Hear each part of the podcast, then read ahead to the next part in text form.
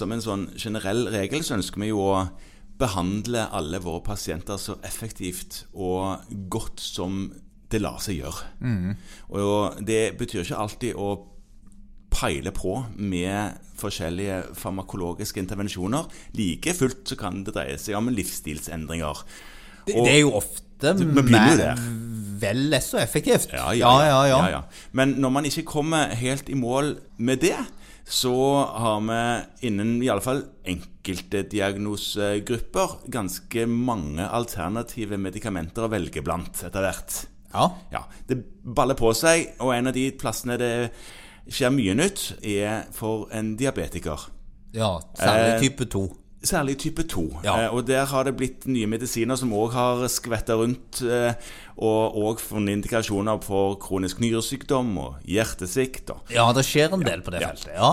og da, for å holdt de på å si, følge med i timen her, så er det nok en del som tenker her har det kommet noe nytt. Jeg er ikke helt kanskje fornøyd med kontrollene til denne pasienten. Vi prøver å legge til det nye og se om vi kan hente du den siste gevinsten der. ja. For det, det gjør man jo på f.eks. blodtrykksmedikasjon. Så har man jo Ja. alltid holdt på med det. Og ja, legger til til legger man til til man når ja, Der er det til og med medisiner som inneholder tre virkestoff i én, nettopp for å eh, gjøre at pasienten ikke føler seg så syk med en neve medisiner. Men så er det jo kanskje ikke alltid så lett, da. Én ting er bivirkninger og interaksjoner, men en annen ting er hva en har lov til. Som med tanke på blåreseptrefusjon. Ja, og nå, nå pirker du jo litt i noe sentralt med en gang, for det er mye du har lov til, men det er ikke alt som er refundert. Nei. Nei. Nei.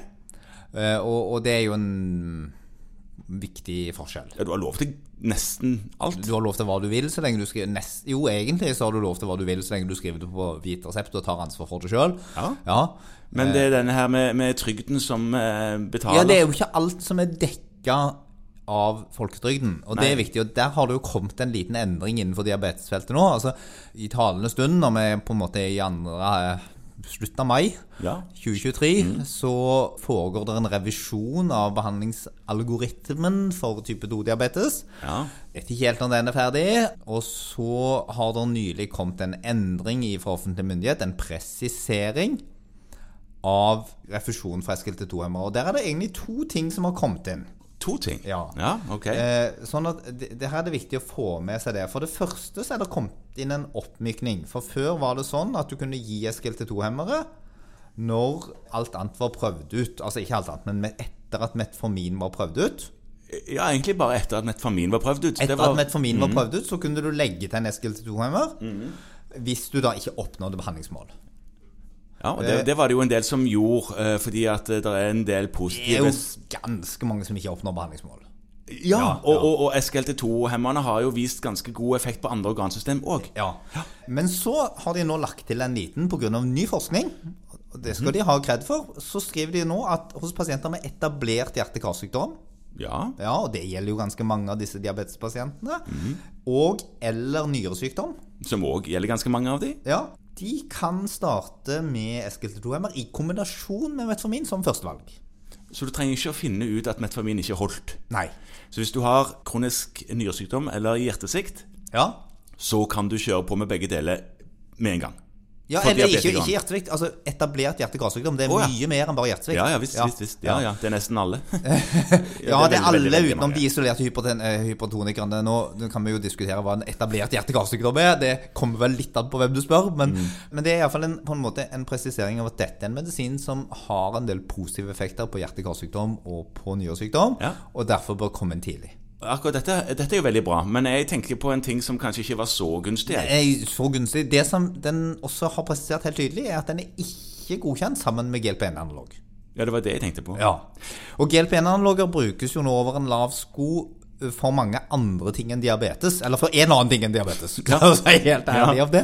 Ja, eh, og, men, men veldig mange pasienter med type 2-diabetes har jo et vektproblem. Og har et stor nytte av GLP-1-analoger. Og det som denne nå presiserer helt tydelig, er at her må du velge Når det gjelder hva du kan få på refusjon hva du kan få på refusjon. Ja. Fordi at du får ikke lov til å kombinere SGLT2-hemmer med GLP-1-analog på diabetespunkt. Det sier refusjonsordningen helt tydelig. Men hvis du er diabetes eh, pass, Ja, ok. Mm. Så, Ja. så selv om du har hatt hjerteinfarkt, og da har du vært etablert hjerte-karsykdom, og har en BMI på mm, 36, Ja. og helt opplagt hadde hatt nytte av GLP-1-analog, så får du ikke lov til å kombinere de to på blå resept for på diabetespunktet. Nei. Det er en innstramming. For det, det, nå har det nok vært sånn før, for det, den forrige teksten var litt uklar på det punktet. Ja. For det sto aldri spesifikt at du kunne kombinere de, men det sto heller ikke spesifikt at du ikke kunne kombinere de. Men hvis du har, eh, hvis du har hjertesvikt, da, i tillegg til din diabetes type Ja, 2 nå er det sånn at du skal huske på at hvis du har annen indikasjon for å få SGLT2-hemmeren ja, din det, det er det jeg tenker på. Ja, og det er Kronisk nyresykdom, for. Kronisk nyresykdom er det en SGLT2-hemmer som er godkjent for. Og for hjertesvikt er det òg en SGLT2-hemmer som er, har fått refusjon. Begge disse sykdommene så kommer det nok flere rullende etter hvert. Det, er studier som er på gang, eller studier som er ferdige, faktisk, øh, skal være helt ærlig. Og vel sikkert søknader som er på gang, uten at vi har helt klar saksbehandlingen til SLV i eget hode. Men i hvert fall så er det sånn at siden du nå har en pasientgruppe som kanskje nå eh, fordi at vi har vært, vant med å skrive SGLT2-hemmere på, på diabetespunkt, og hvis de har diabetes, bare har fortsatt med det, så må du kanskje ta en sånn kritisk vurdering av nå om disse pasientene bør få den for noe annet. For det har du lov til. Ja, ja. Så hvis det er indikasjon for det for hjertesvikten Ja. eller for nyresykdommen, ja, så skriver du det på skriver du på det punktet, og da kan du fint gi GLP-1-analogen for På diabetes. diabetes, ja. Men den kombinasjonen er det nå presisert i refusjonskriteriene at for kun i gåseøyne diabetes De fleste diabetikere vil ikke si at Det er noe kun i det. det er noe Nei. kun i det. Eh, så, så kan du ikke gjøre det, og må gjøre et, et valg. Ja. Det går sikkert an å søke. Det ligger ikke inne på, på den utvidede legemiddellisten, noe som betyr at det blir en veldig, veldig individuell vurdering. ja, der skal du være, eh, tror jeg, god for å få gjennom den.